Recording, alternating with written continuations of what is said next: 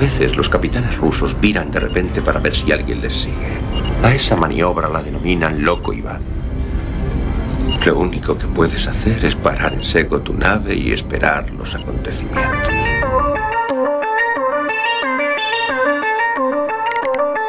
Galaxy 347 of Space Patrol calling unidentified ship.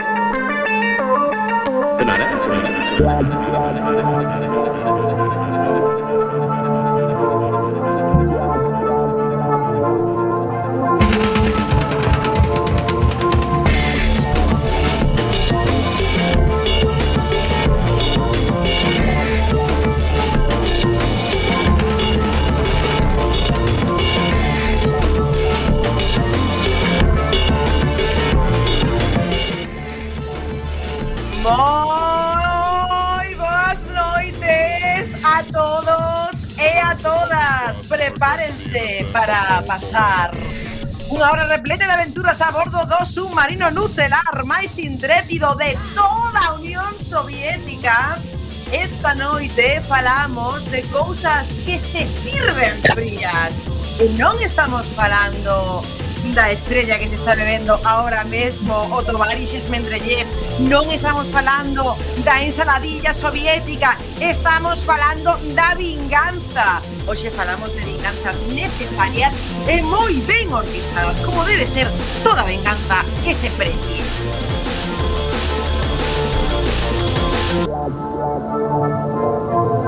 Please stand back from the automated door and wait for the security officer to verify your identity. Before exiting the train, be sure to check your area for personal belongings.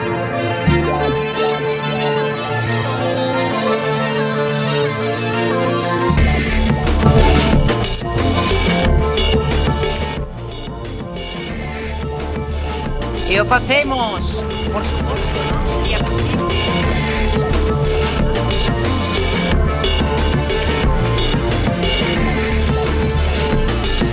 Capitana, non te escoitamos, pisaches un cable ou algo, perdémoste. Capitana, onde estás, capitana? Tal vez esa algún ardide da camarada de Óscar, sempre en camiño do cumio, co seu piolet, lista para o. Sí, pero foi raro, porque perdemos así devagar. Foi ¿eh? pouco a pouco, foi, se, foi seguindo, foi saindo, así... Pero fíxese, fíxese, camarada, que tampouco está veos. A mí que se foi me sospeitar moito, eh? Debe ser un ardí, un plan. Ou dous, ardí. Unha vinganza. Pode ser, aunque nunca podemos... A ver, que xa está aquí. Non, non está. Está, non pero... está. No. está, pero non está. Bueno, a camarada capitana sempre presente. Podemos facer a, seguir facendo a presentación. Isto non sería posible sen min, non? claro, porque estou aquí dándolle... Sempre, non poderíamos facelo sen o camarada Bugalov na sala de máquinas. E se non estivera sempre a esquerda da capitana o noso Tovarich Lamelov Camarada, xefe de torpedos, único xefe de torpedos do submarino, camarada Lamelov. Non nos sabemos nin os rangos, por favor, que horror. Boa noite, camaradas.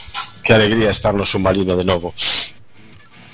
A, a ver, Esmendalles, que che poño, que che poño un, un efecto para ti. O sea...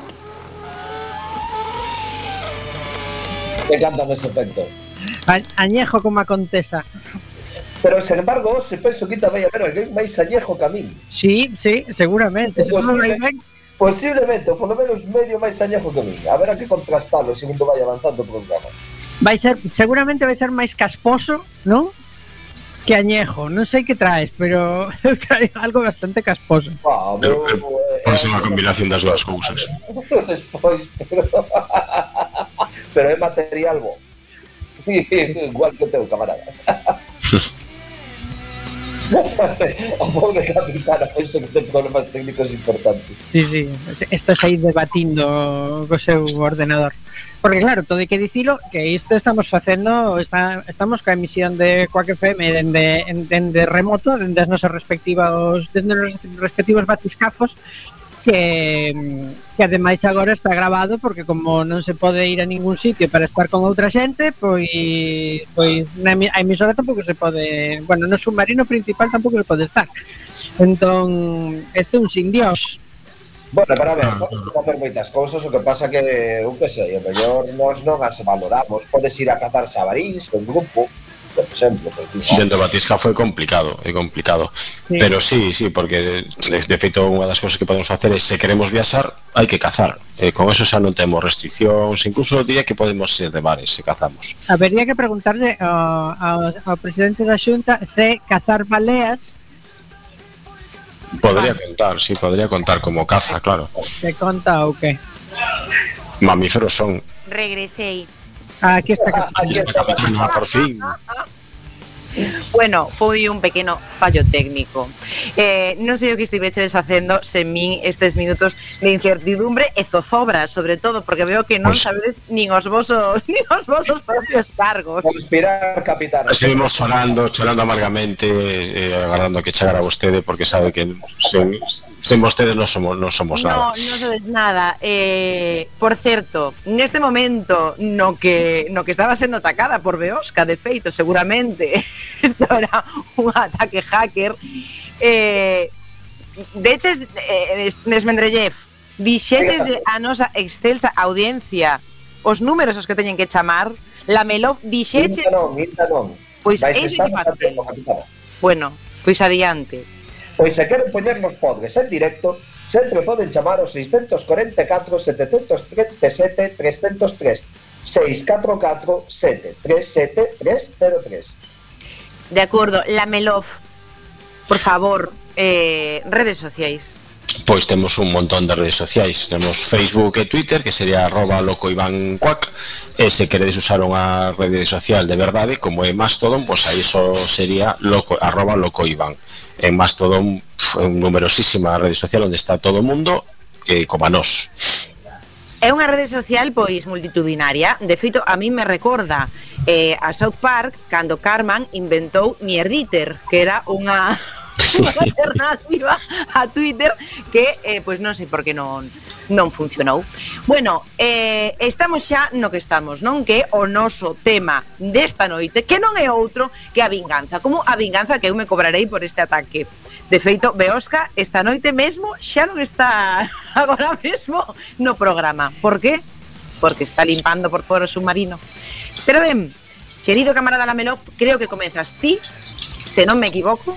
Pois sí, se me dá paso camarada eh, Bugalov, 还有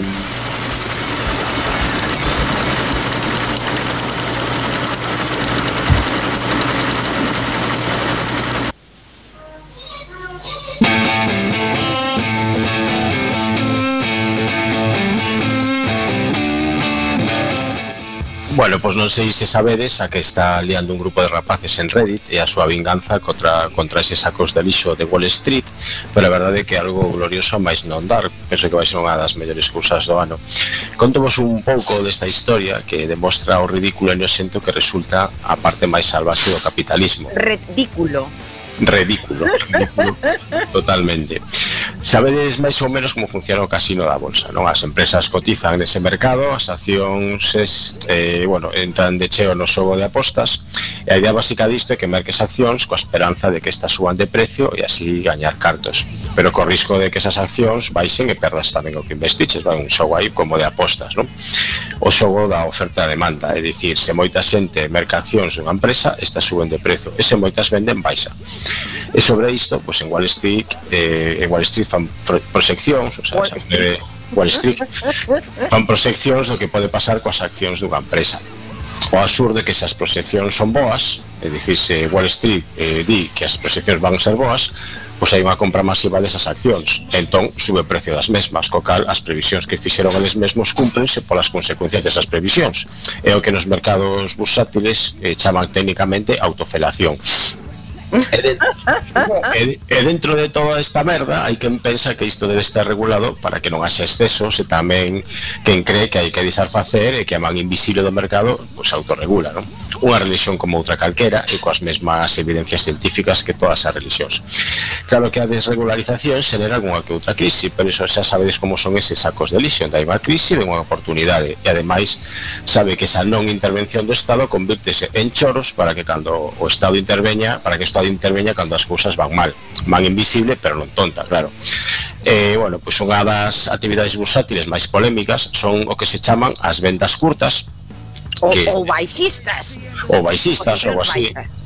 sí, o short selling bueno, unha, unha... son baixas porque pois pues, están aí sí. a altura da poller entón, son... o máis incluso, os eoños Exacto, son posicións baixas, por eso. Exactamente, pois esas posicións ventas baixas eh, ten moitas voces en contra porque para que non as permitan, porque se o mercadeo normal de acción se apostar porque suban, nas vendas curtas se apostar a que baixen durante un período acordado de tempo, que é limitado ou se xa curto.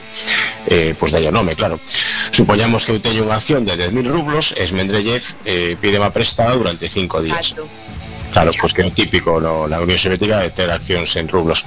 Claro. Cando remate ese prazo, teria que pagarme esa acción máis algún interese, non? Pero despois de que a colla prestadas, mendrelle susto, despois de collela a vende, co cal pois pues, queda máis ou menos como estaba, non? Compra por 10 e a vende por 10. Pero logo resulta que a acción eh, pois pues, nos días baixa pois a 5000 rublos. Entón esmendrelle a merca por ese prezo e va devolve, co cal pois gaña na operación os 5000 rublos, vale? Porque, claro, bueno, porque a mercou eh, por 10, a vendeu por 10 e logo a merca por 5 e a volveu a vender por 10, que era que, a que me debía a mí, non? Entón, o que pasa é que se a acción subira, se a empresa de, de acción subira, pois, por exemplo, os 12.000 rublos, pois en Madrid perdería 2.000, vale? O tema é que en poucos días este tipo de operación permite gañar moita pasta, pero tamén perdelo. As gañanzas das operacións normais son ilimitadas, é dicir, unha acción pode subir indefinidamente, eso perdes o que investiches, pero nas vendas curtas é o contrario, es decir, as perdas poden subir indefinidamente e as gañancias limítanse ao valor por acción. Por iso o tempo é moi curto para que minimizar un pouco os riscos, ¿no? Para que nese tempo pois é moi raro que unha empresa poda subir moito eh, o prezo das súas accións. Vale? De feito, eh, aquí en, eh, no, no Estado español, eh, pois cando eh, foi o ano pasado eh, o máis eh, a caída eh, enorme das, das, eh, das bolsas españolas eh, en abril ou en, ou en marzo, bueno, cando, cando nos empezaron a confinar, eh, aí separaron, se prohibiron durante un tempo as posicións baixas porque para evitar eh, pois precisamente esa caída todavía máis máis grande dos, dos títulos. Se evitaron durante durante un momento e ao final isto un pouco son realmente son ataques especuladores a a fin o cabo, que sí. están permitidos. Exactamente, están permitidos, eh, aparte son totalmente sen escrúpulos, non? Pois aí é o tema onde interven un grupo de rapaces da plataforma Reddit, un grupo de rapaces pois, entre 16 e 20 anos, que pois nun grupo que se chama Wall Street Bets, que ten pois creo que dous millóns e pico de, de rapaces aí, pois decidiron organizarse e meter unha boa hostia ao mercado. É dicir, puxéronse de acordo para mercar conjuntamente accións de GameStop, que é unha empresa de venda de videoxogos que estaba baixa porque, claro, les venden xogos físicos e agora mesmo está pois, o mundo mercado mercado digital de descargas, ¿no? de descargas de videoxogos. Entón, claro, eh, como leva é unha empresa moi grande, pero leva moito tempo a baixa, pois entón ten moitísimos boitres que están aí pois facendo precisamente eh, vendas curtas, no, deste tipo. Pero claro, estes como empezaron a mercar accións, e son un feixe deles, adiós case 2 millóns de, de rapaces, pois entón as accións pasaron de 17 euros a 337, o sea, de, de 17 dólares a 337 dólares. E claro, todos os fondos buitres que pusieron aí pasta, pues empezaron a perder unha barbaridade. Quen puso, por exemplo, 10 millóns de dólares, agora teria que pagar 200 millóns en 5 días, e creo que é un espacio moi pequeno de tempo. E ademais fixeron o mesmo con outras empresas así super míticas, pero que están a baixa, como BlackBerry e eh, Blockbuster, non? E eh, pode que fagan o mesmo con outras. E o que mola é que todos eses eh, millonarios sacos de merda que se forraron especulando e que defenderon a morte o libre mercado agora están chorando para que haxa unha intervención que impida que merquen accións de GameStop. É dicir, o mercado é libre mentas estas bolsas de merda gañen, claro, pero cando empezan a perder, entón sí que ten que intervir o Estado, non? Bueno, pois un deses fondos é Melvin Capital, que é dun chamado neno prodixio da bolsa, Gabriel, Gabriel Plotkin, que engallou moitísimos cartos con operacións deste tipo, non sen escrúpulo ningún eh, foi o que chorou a Wall Street para que lles deixaran eh, de vender as súas accións antes de finalizar o prazo, algo que polo visto incumpre as normas de Wall Street, para evitar ir a quebra, porque realmente ian a quebra de cabeza. E salvaron polos pelos, pero ainda así as perdas foron eh, moitísimas, foron brutais, non? Isto todo que demostra tamén que a merda eh, que este capitalismo extremo que tanto defenden moitos verdeiros de todo o mundo e que, como dicía, se está convertendo na principal religión, non?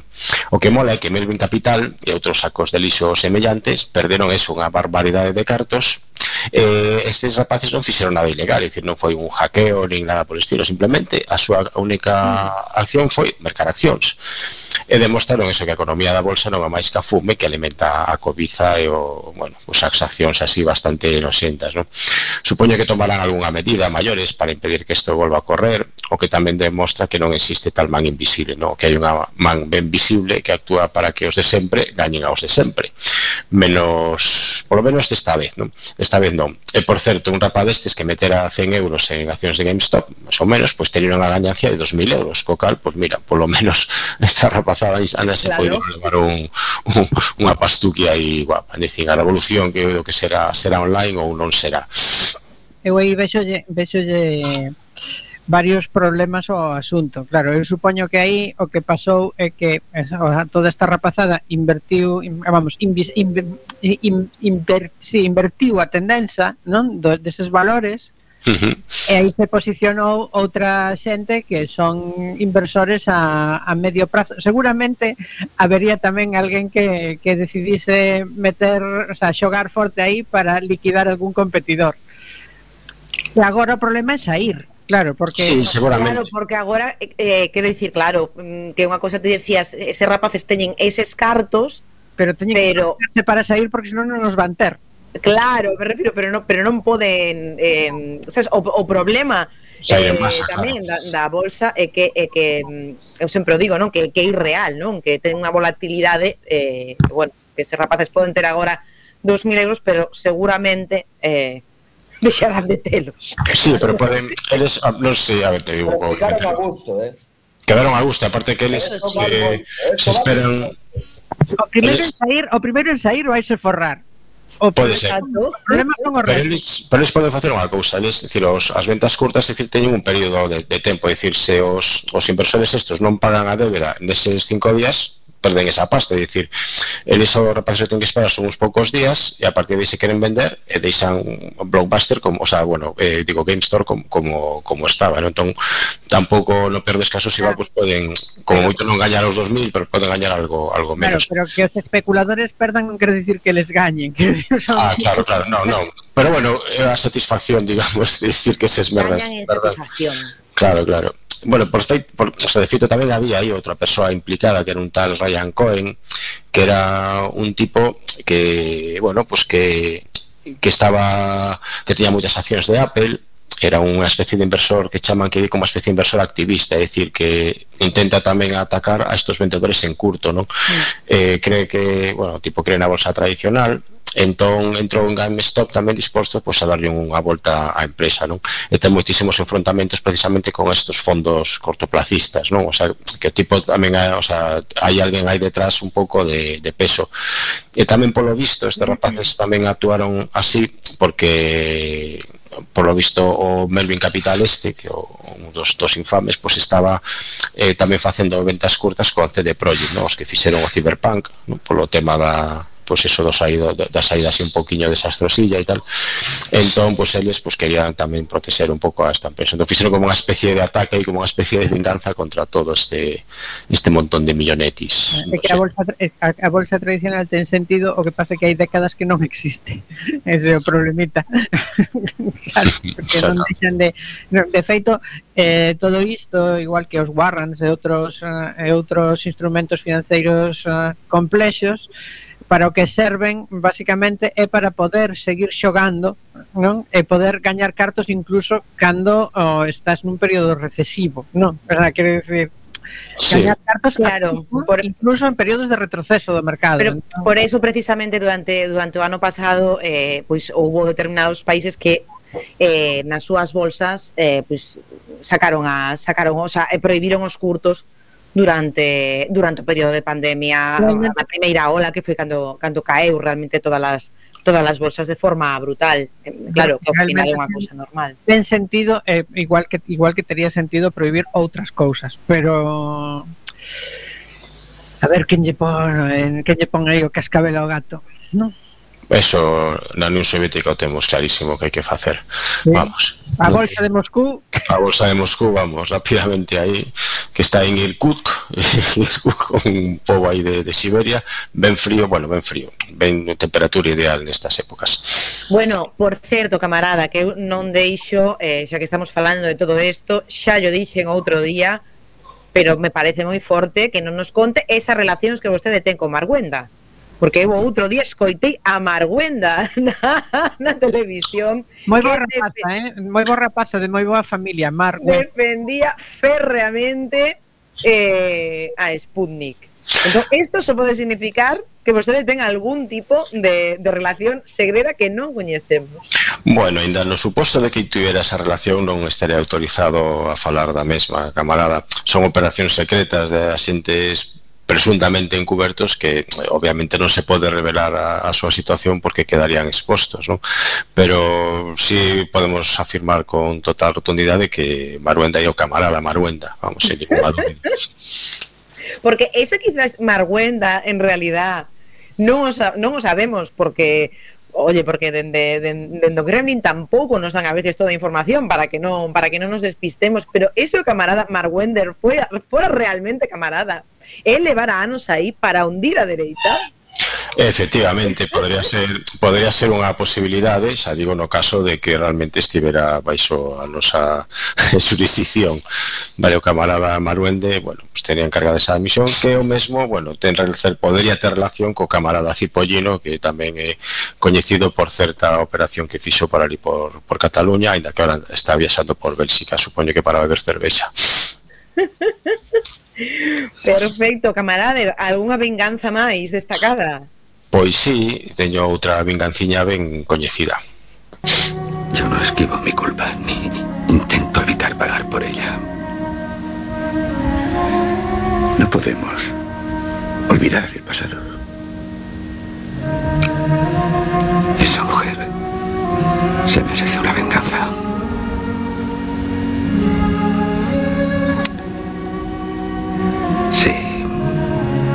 Nosotros morir.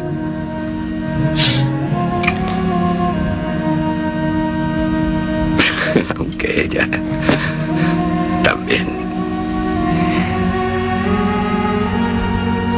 Así que ya veremos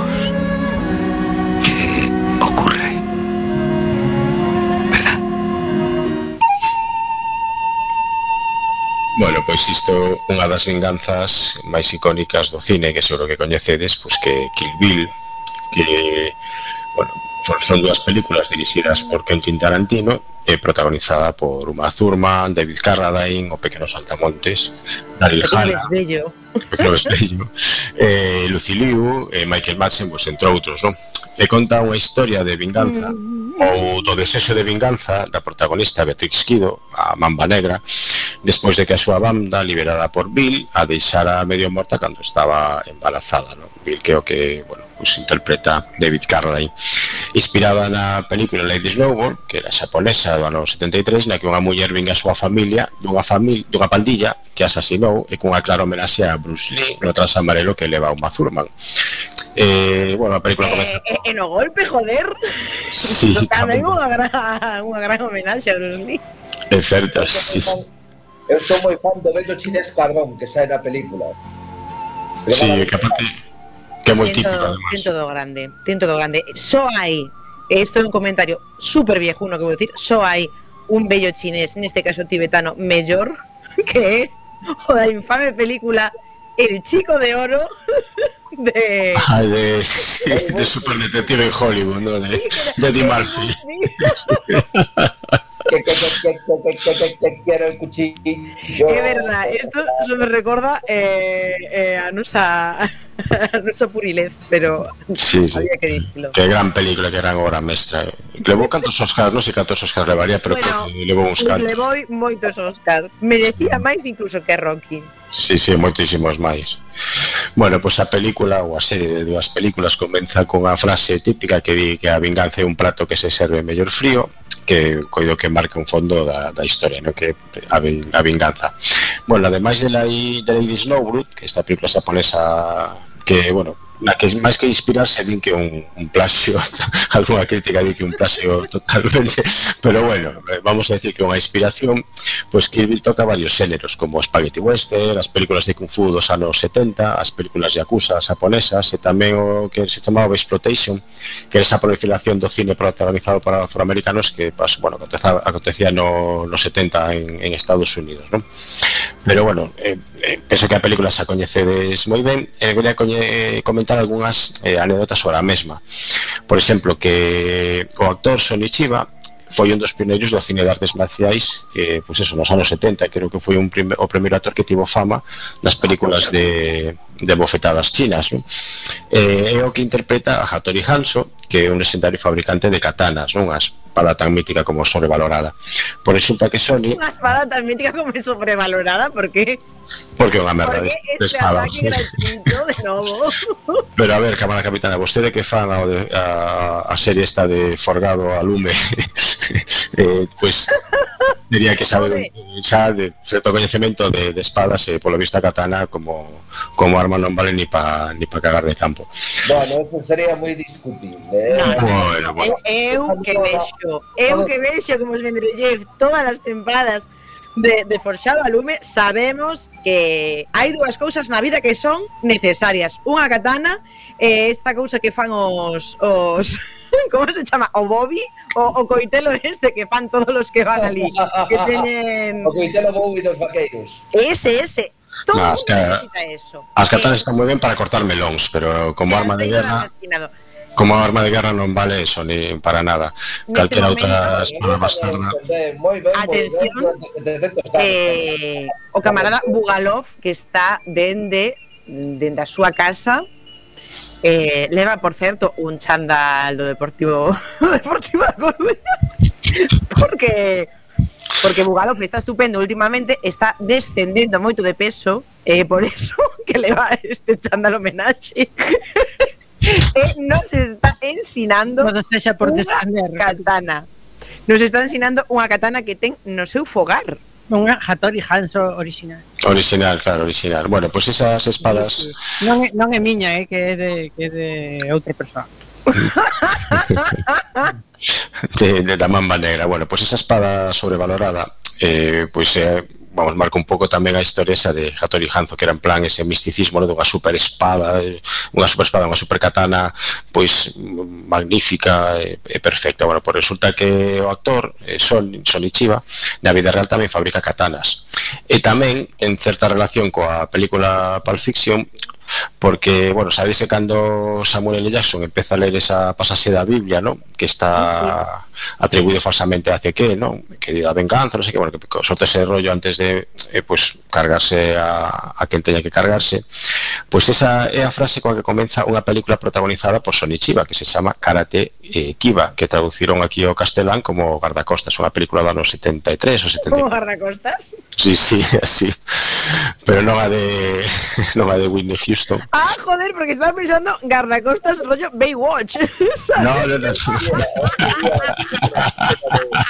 A de Houston, Jesús bendito, que es que mal embelleceu esa película. Eh? E atención, porque tamén hai katanas nesa película o, garda, o guardacostas de, de Whitney Houston. Tamén ten unha katana. Pois por, eso embelleceu, por eso embelleceu mal. Pois, bueno, o, o nome, por certo, Hattori Hanzo tamén sae na serie Shadow Warriors e tamén sae nun videoxogo chamado Samurai Shodown. Bueno, e tamén, bueno, a película ten máis anécdotas, porque sabedes a escena... Bueno, tamén é un personaje histórico. Tamén? Sí, tamén, tamén, pero bueno, que saen esas dúas eh, bueno, series e videoxogos, non? Pois a, a escena na película, sabes, a que a que Gogo, esa que ten así aspecto de, de rapaza, pois ir a súa bola de metal para tentar darlle a má maneira, unha especie aí, pois eso, de mallal, non? Pois resulta que se lle soltou na, na rodaxe foi dar ao Gerolo de Quentin Tarantino que quedou bastante presudicado o a. Ver Xa, peor, quero dicir, é eh, complicado. Sí, creo que... un pouco peor do normal ainda. ¿eh? Sí, pois pues creo que desa xa non se recuperou, eh. Por certo, que o, o propio Quentin dixo que a banda sonora da película é un cortapega da súa colección de música de películas de cine. Unha é que acompaña a Beatrix Kido, que é a Mama Negra, cando chega a Tokio, que a, a, a canción trátase eh, O Bodo a besorro, que é un dos temas principais da serie que, que bueno, un do, o, pre, o tema principal da serie que protagoniza Bruce Lee, Cato, ese, Era, se... Eh, obispo mm, o obispo verde.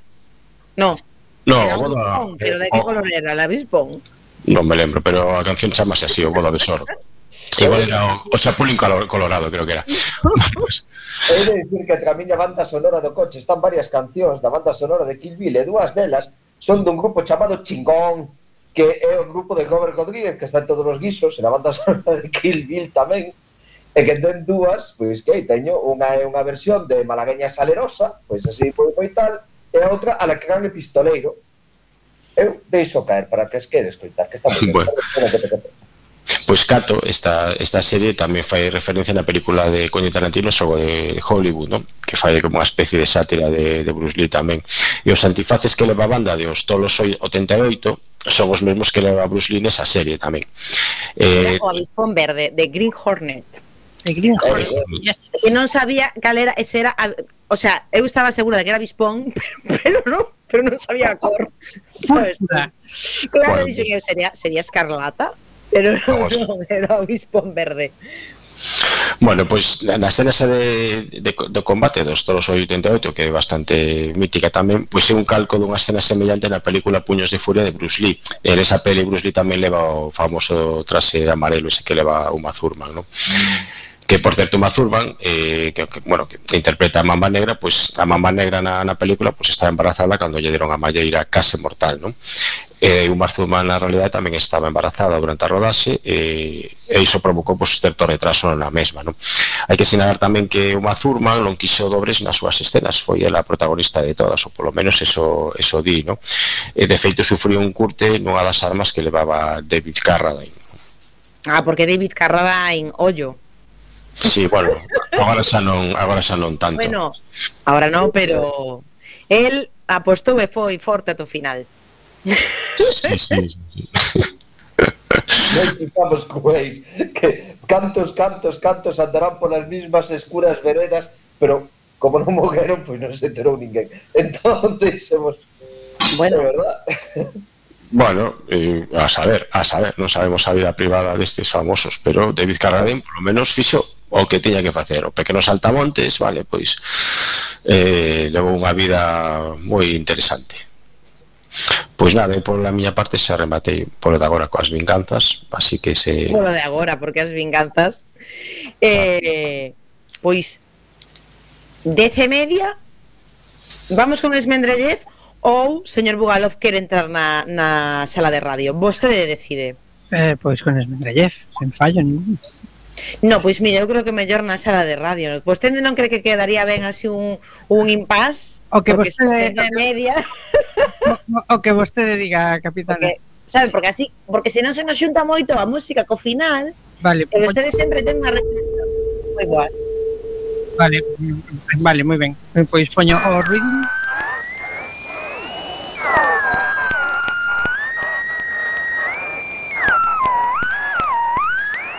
E xa está o ruidiño, vale.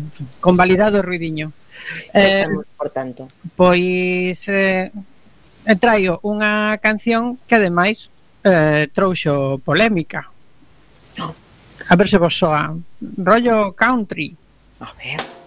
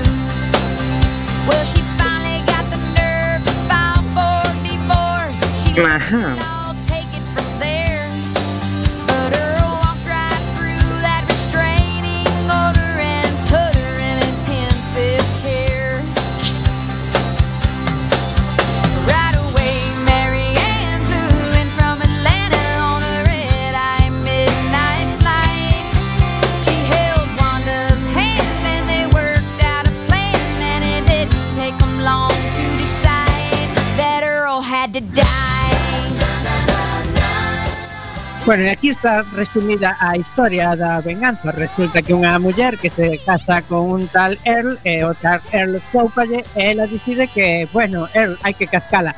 Eh, no sentido peor do termo, cascala. Sí.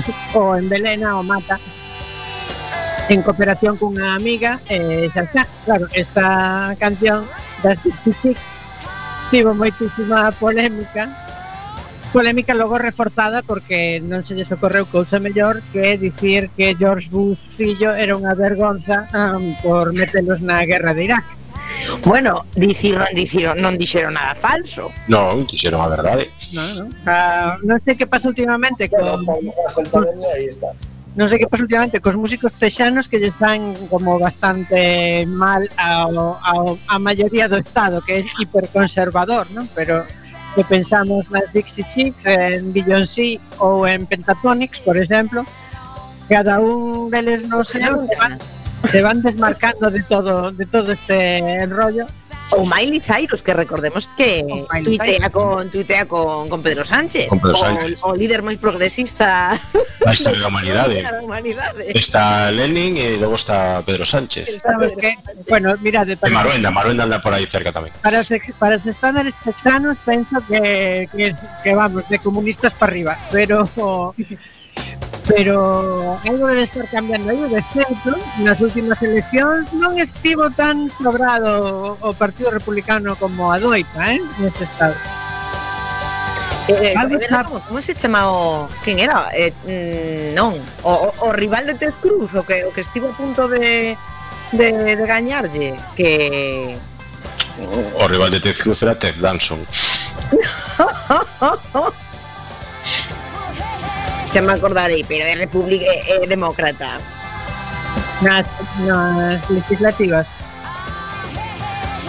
Sí, era... Bueno, que hai un documental en, en Amazon, podedes verlo? Que debía saber o nombre para, para dicirlo, pero... Em, Beto Ese, Beto Rourke. Pois, bueno, claro, a tema, hai que ter en conta tamén que, que a pulsión migratoria, que a presión migratoria no estado de Texas é importante. E esta era a canción de hoxe, moi, moi bonita, moi bonica. Hai un, é un grupo curioso os Dixie Chicks porque perderon a súa cantante que era máis country tradicional, le reemplazaron pola filla dun dos guitarristas da banda que ten unha matriz máis, digamos, roqueira, non? no seu estilo e a partir de aí pois xa arrasaron moitísimo, coleccionan Grammys moi a lo loco. Eh, xa está.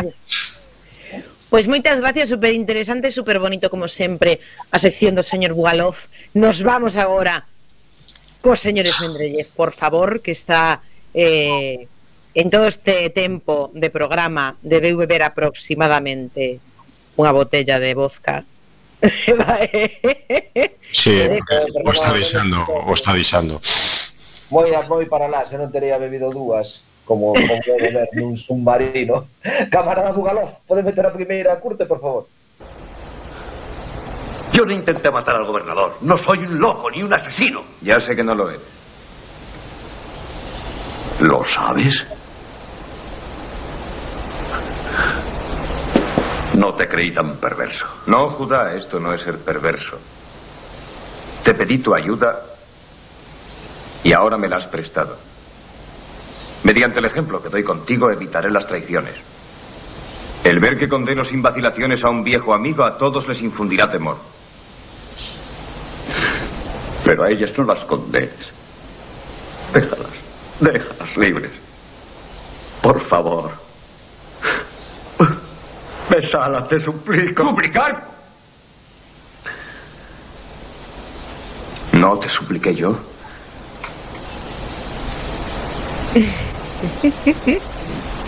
Por Tú suplicaría eres esto, nada más tengo que decir. Eres. Mátame, Judá, y tu madre y tu hermana morirán hoy, clavadas en cruces delante de ti. ¿Qué esperas? Ahí es-? ¡Mátame! Mataime.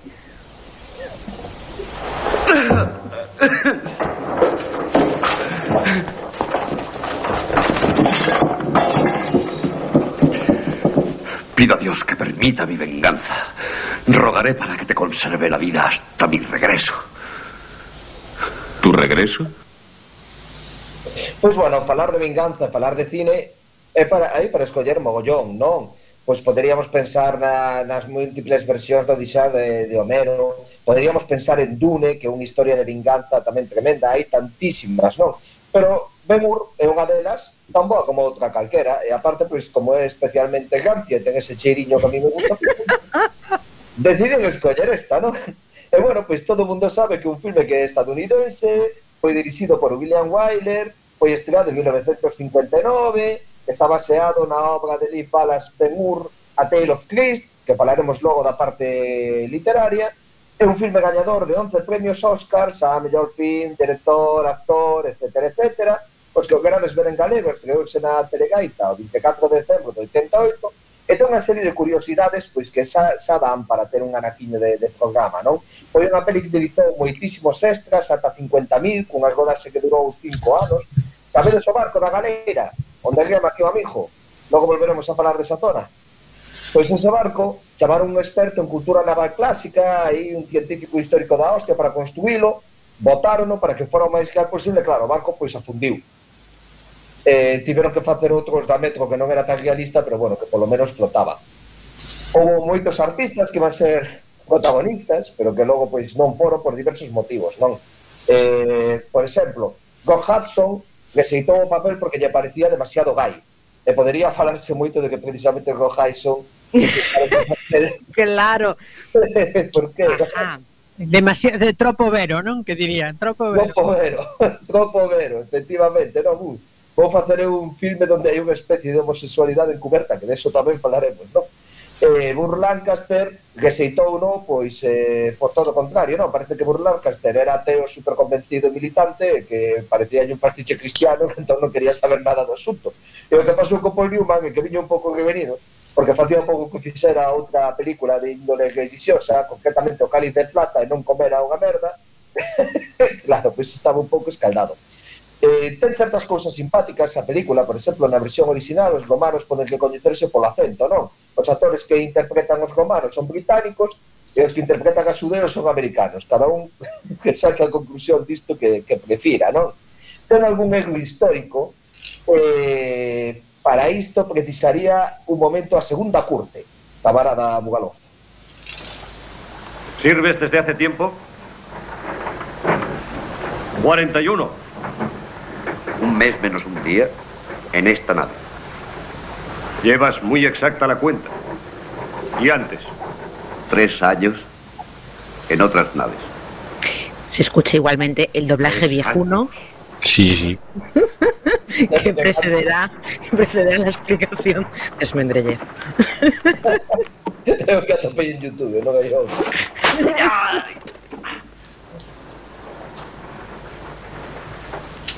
Pupita. Tu impulso es de devolver el golpe. Pero tienes la sensatez de contenerte. Tus ojos están llenos de odio. 41. Eso te ayuda. Se sobrevive con el odio. Da fuerzas para resistir. E o que digo sempre. Ahora escuchadme, galeotes. A todos vosotros se os condenó. Os mantenemos vivos para servir esta nave. Por lo tanto, remad y vivid.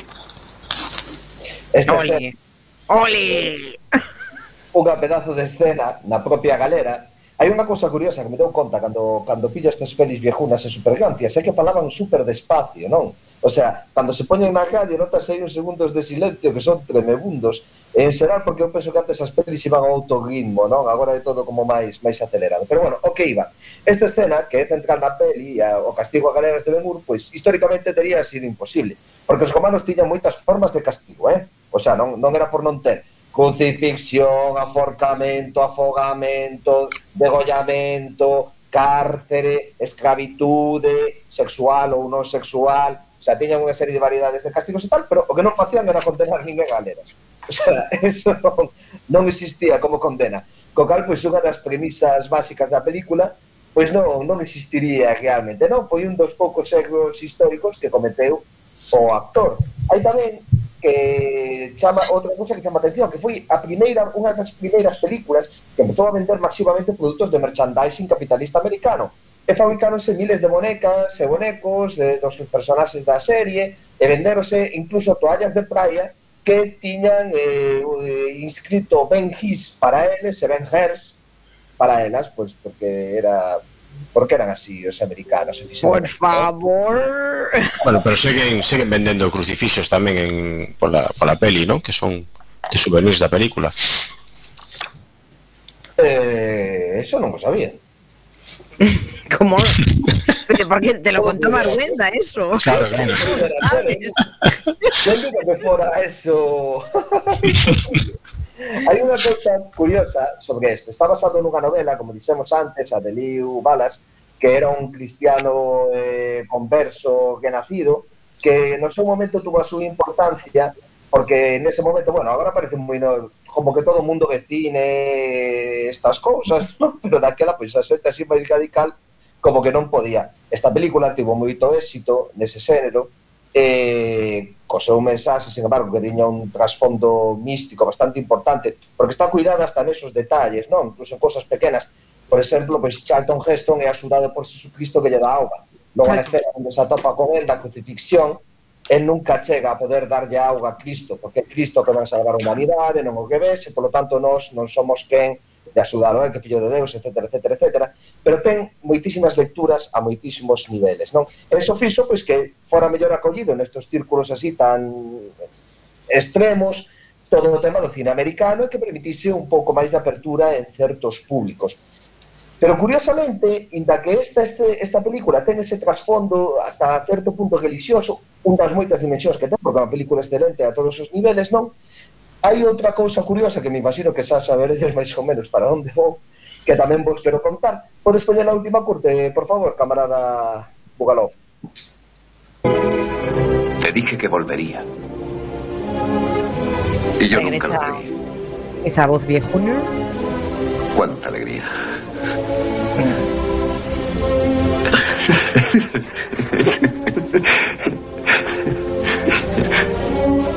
Estás desconocido. Y tú vuelves convertido en tribuno. Cuando la noticia llegó a mis oídos, brindé por ti. Brindemos juntos ahora. Y tu ¿Y hermana ahora? y tu madre están bien.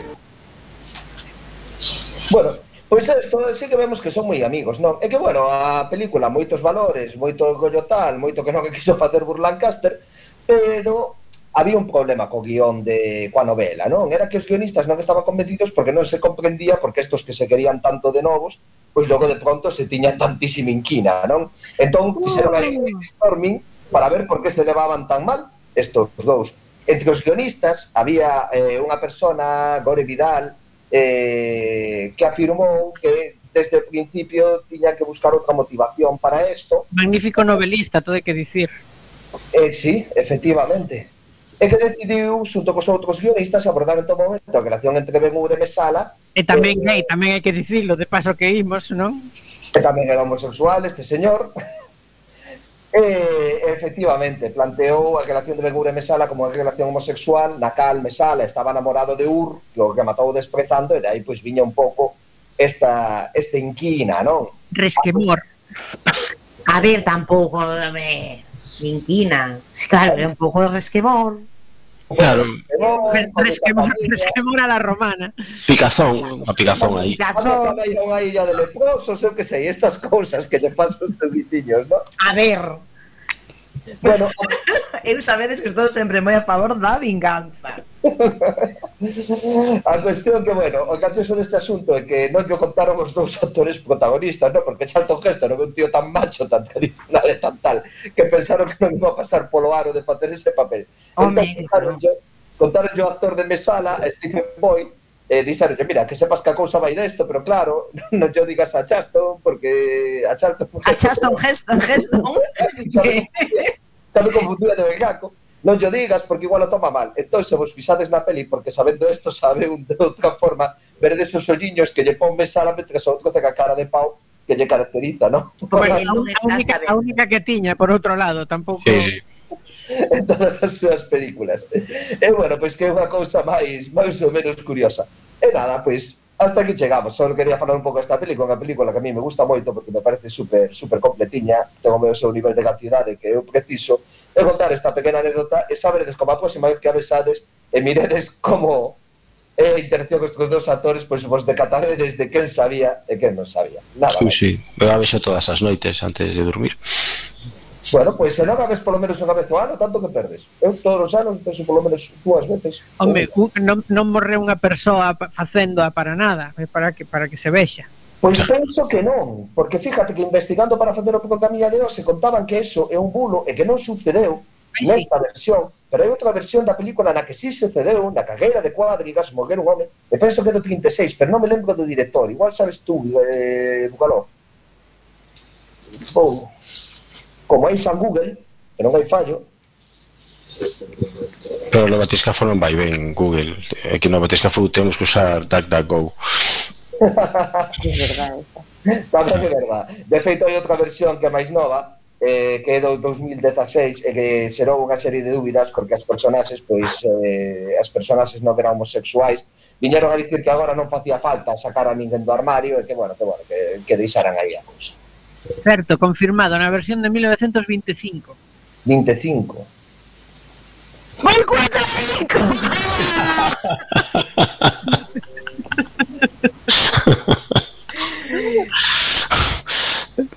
bueno, eh, nos queda pouco tempo, pero Regresou o barco Beosca despois do ataque que me inflixiu a primeira hora da noite, pola cal os ointes se viron privados de, da miña da miña melodiosa voz durante uns minutos. Así que, Beosca, non sei que tes que contar sobre vinganza, porque eu teria moito que contar, pero non o vou dicir hoxe. Pois ademais vaille encantar o tipo da vin, de vinganza da que vou falar agora porque é un contiño de Jack London, o famoso Jack London de Colmillo Blanco, xa sabedes é un contiño nada de como de seis páxinas que podedes atopar facilmente en, en internet se tendes eh, interese e curiosidade en lelo, que se chama Cara de Luna Ah. E o protagonista de, de, deste relato pois coñece a este tal cara de luna e vingase de, bueno, planea vinganza contra cara de luna.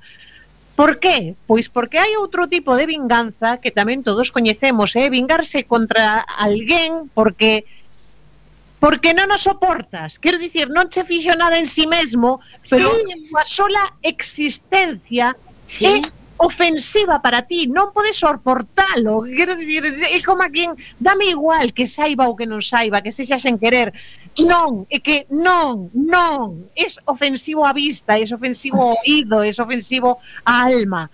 E a historia aquí pois é mm, desta persoa explicándote por que non pode soportar a, a este John Claverhouse, o que él denomina cara de luna, porque ten cara de luna, porque, que, que, porque como vai con esa cara por aí, por favor, e ademais tan feliz e tan optimista, que eu tamén son feliz cando son feliz, pero que non cando te teño diante.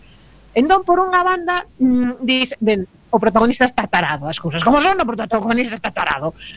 Pero sí que chegas a, a comprender esa inquina que ten por esa outra persoa eh, que, que, que queda, queda moi ben reflexada. É un, é un conto moi interesante, é un tipo de vinganza que creo que hai que ter en conta tamén e, e que seguro que a capitana mm, se sinte moi Eu sí, eu, eu hai veces que lle collo tirri a xente que non me fixo nada, e eu penso para mí mesma, joder, pero ¿por qué? ¿Por qué? ¿Por qué? Pero non son capaz. Uh -huh. Eu digo, ver, non llevo un coller grimin, pero no puedo, puedo, es superior a mí. Uh -huh. Ben, pois esta foi a miña aportación Non sei se a camarada Miro va querer a dicir algo Que, que xa pouco claro. me ser Ola e adeus, porque non nos queda case nada de tempo. Pois como bolseira, o único que vos teño que dicir é que na miña lista de inquinas e vinganzas estades todos. Así que xa me vou despedindo mentres vou apuntando, non vos preocupedes. En plan Kill Bill. Esa, esa sí que era unha gran venganza. Kill Bill. Pois sí, pois sí, por certo. Unha das miñas mm, pelis tarantinoides favoritas. Porque a mí me parece que está moi ben plasmado iso da vinganza. Incluso, incluso eh, Se chegamos a saber, alguén tería falado dela ou algo. Sí, sí. Claro. claro. non se nos ocurrió. No, pero mira que unha magua, porque é verdade que podría estar ben aí comentar algo da, da peli, sí. Es verdad.